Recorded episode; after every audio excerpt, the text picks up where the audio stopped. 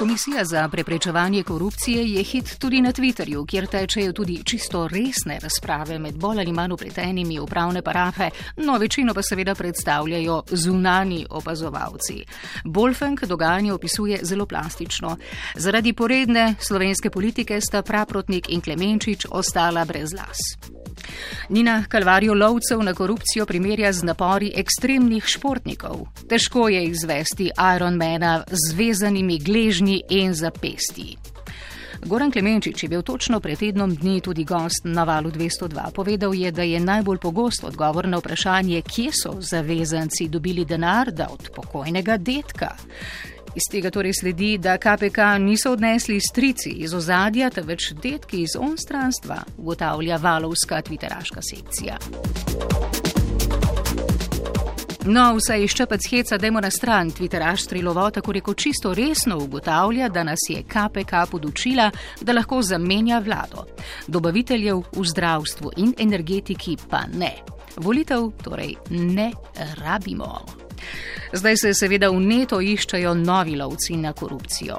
Matic Velbar razmišlja, kaj pa, če bosta Jankovič in Janša zdaj še uradno združila moči. Kadrovanje članov senata KPK je vrhunska priložnost. Daniel Michel pa razmere vidi še bolj groteskno. Urad za promocijo korupcije rabimo. Direktorja in zaposlenih ne bo težko najti.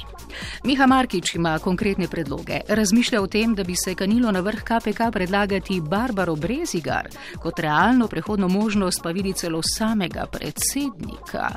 Eh, lahko bi šel Borod Pahor za en dan delati v Lojtra KPK.